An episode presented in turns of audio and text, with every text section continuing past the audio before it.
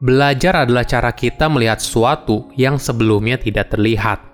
Halo semuanya, nama saya Michael. Selamat datang di channel saya, Sikutu Buku. Kali ini saya akan bahas buku Ultra Learning karya Scott Young. Sebelum kita mulai, buat kalian yang mau support channel ini agar terus berkarya, caranya gampang banget.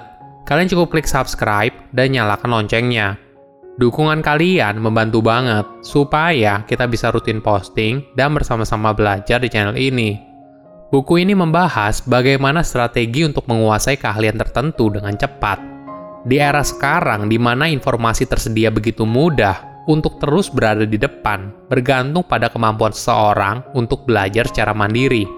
Scott telah mempraktekannya sendiri, bagaimana dia bisa belajar keahlian baru dengan cepat dan dana yang terbatas. Pada tahun 2012, Scott menjalankan proyek pendidikan mandiri miliknya, di mana dalam 12 bulan dan dengan biaya kurang dari 2000 dolar, dia akan mempelajari cara menulis kode komputer dengan cukup baik, sehingga Scott dapat lulus ujian akhir yang sama dengan lulusan ilmu komputer Universitas bergengsi MIT di Amerika Serikat. Bukan hanya itu, Scott bahkan mendorong dirinya lebih keras lagi dengan belajar empat bahasa baru dalam waktu 12 bulan. Ini adalah orang yang disebut sebagai ultra learner. Mereka yang mampu belajar secara mandiri, namun memiliki keahlian yang kurang lebih setara dengan orang lain yang menjalani pendidikan formal. Saya merangkumnya menjadi tiga hal penting dari buku ini. Pertama, belajar tanpa harus ke sekolah. Apakah mungkin bisa memperoleh keahlian yang sama tanpa harus duduk di bangku kuliah? Atau apakah kita bisa lancar berkomunikasi bahasa asing hanya dengan waktu tiga bulan saja? Jawaban dari pertanyaan itu bisa dijawab iya. Ternyata ada budaya di mana sekelompok orang berusaha untuk mencapai tujuan yang mereka inginkan dengan belajar secara mandiri dalam waktu yang relatif lebih singkat daripada pendidikan formal. Mereka disebut sebagai ultra learner. Kemampuan ini bisa mempercepat karir yang sudah kamu miliki, transisi ke karir yang selalu kamu inginkan, atau untuk menyelamatkan karirmu saat ini dengan menambahkan keahlian baru yang lebih berharga. Ini merupakan salah satu metode untuk terus relevan di dunia yang bergerak sangat cepat. Jadi, kamu akan berusaha untuk mencari solusi atas sebuah masalah atau tantangan yang kamu hadapi. Jika sudah, kamu akan menentukan apa yang ingin kamu pelajari dan kenapa kamu harus pelajari hal tersebut. Selanjutnya, kamu mulai belajar secara rutin dan efektif. Bagaimana bisa belajar dengan cepat dan efisien? Tentu saja perkembangan informasi dan teknologi yang semakin cepat membuat pendidikan di sekolah belum tentu bisa mengimbanginya. Apalagi setelah lulus dari sekolah, setiap orang punya tanggung jawab pribadi untuk terus meningkatkan kemampuan dirinya. Perlu digarisbawahi, Scott sama sekali tidak anti dengan institusi pendidikan, tetapi dia memang merasa kalau institusi pendidikan terikat pada pendekatan tradisional daripada mencari cara yang lebih cepat, lebih baik, dan lebih murah untuk memberikan pengalaman pendidikan yang lebih baik. Hal ini dicontohkan berdasarkan pengalamannya sendiri. Dalam satu tahun dan dengan biaya kurang dari 2000 dolar, dia berhasil mencapai tingkat kemahiran teknis yang membutuhkan waktu 4 tahun dan biaya yang lebih dari 250 ribu dolar jika dia mengambil jalur konvensional di perguruan tinggi. Namun tentu saja, di sisi lain, perguruan tinggi bukan hanya menawarkan pendidikan, tapi juga kesempatan mahasiswanya untuk menjalin relasi dan pertemanan yang tentu saja berguna bagi perkembangan karir mereka di masa depan. Kedua, memulai untuk menjadi ultra learner.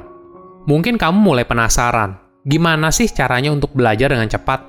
Scott membagikan 9 prinsip di bukunya. Saya tidak akan bahas semuanya ya, namun saya akan menjelaskan beberapa poin yang penting. Pertama, meta learning ini merupakan awal dari perjalanan kamu menuju ultra learner. Kamu diharapkan untuk mampu melihat gambaran besar dan menyusun strategi belajar yang optimal. Kamu bisa memulainya dengan membuat meta learning map yang berisi tiga kategori besar, yaitu konsep, fakta, dan prosedur. Konsep berhubungan dengan apa yang perlu kamu pahami. Fakta berhubungan dengan apa yang perlu dihafal. Terakhir, prosedur berhubungan dengan apa yang perlu dilakukan. Setelah kamu mempertimbangkan setiap kategori, maka selanjutnya kamu harus fokus pada kategori yang paling relevan. Kamu juga belajar dari orang lain yang sudah mempelajari keahlian ini sebelumnya. Lihat bagaimana mereka melakukannya dan coba praktekkan dengan sentuhanmu sendiri. Kedua, directness. alasan kenapa ultra learning mampu buat seorang menjadi ahli dalam waktu yang relatif lebih singkat adalah karena adanya immersive learning. Jadi, seorang belajar tidak dalam kelas, namun bersentuhan langsung dengan sesuatu yang ingin dia pelajari. Misalnya gini, jika kita ingin belajar bahasa Perancis, jalur konvensional membuat kita belajar di kelas. Namun langkah yang paling cepat adalah berkomunikasi langsung dengan orang Perancis. Pendekatan belajar sambil praktek merupakan cara efisien untuk mempersingkat waktu belajar. Ketiga, ketika belajar hal baru, jangan lupa untuk rutin melakukan tes mandiri untuk meningkatkan kemampuan kamu dalam memahami apa yang kamu lakukan. Kamu bisa mengetes diri kamu dengan menuliskan soal apa saja yang kamu ketahui tentang topik tertentu sejauh yang kamu ingat. Memang ini tidak mudah, karena mengingat apa yang sudah dipelajari cukup menantang. Namun, ini merupakan cara belajar yang lebih efektif. Ketiga, manfaat belajar ultra learning. Penting nggak sih kita belajar soal ultra learning? Tadi di awal kita sudah bahas, kalau kemampuan ini dapat meningkatkan kemampuan kita dalam bekerja.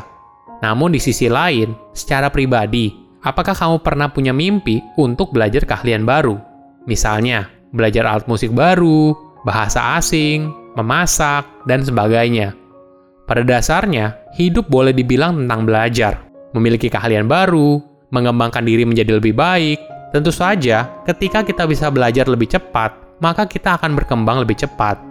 Ada manfaat lain apabila kita berhasil belajar mandiri dengan cepat. Scott memberikan contoh. Ketika dia berhasil menyelesaikan tantangan codingnya dan lulus dari tes akhir di MIT University, hal ini bukan saja menambahkan minatnya soal computer science dan matematika, namun membuka pikirannya soal kemungkinan masa depan. Jika dia berhasil menyelesaikan tantangan ini, hal apa yang awalnya dia ragu di masa lalu, namun ternyata bisa diwujudkan di masa depan. Ini sebenarnya inti utama dari belajar. Bagaimana wawasan kita bisa berkembang, melihat sesuatu yang sebelumnya tidak terlihat, dan mengakui potensi diri yang terpendam. Mungkin kamu punya sedikit keraguan. Kalau menganggap Scott bisa melakukan itu semua karena dia punya bakat, namun perlu diingat, yang jauh lebih penting bukan hanya bakat, tapi kerja keras dan strategi untuk mencapainya. Belajar hal baru tentu saja tidak mudah dan cukup menantang. Di tengah perjalanan, kamu mungkin akan mengalami banyak kesulitan. Namun jangan menyerah dan teruslah mencari solusi atas tantangan yang kamu hadapi. Hingga akhirnya, kamu menjadi ahli di bidang yang ingin kamu tekuni.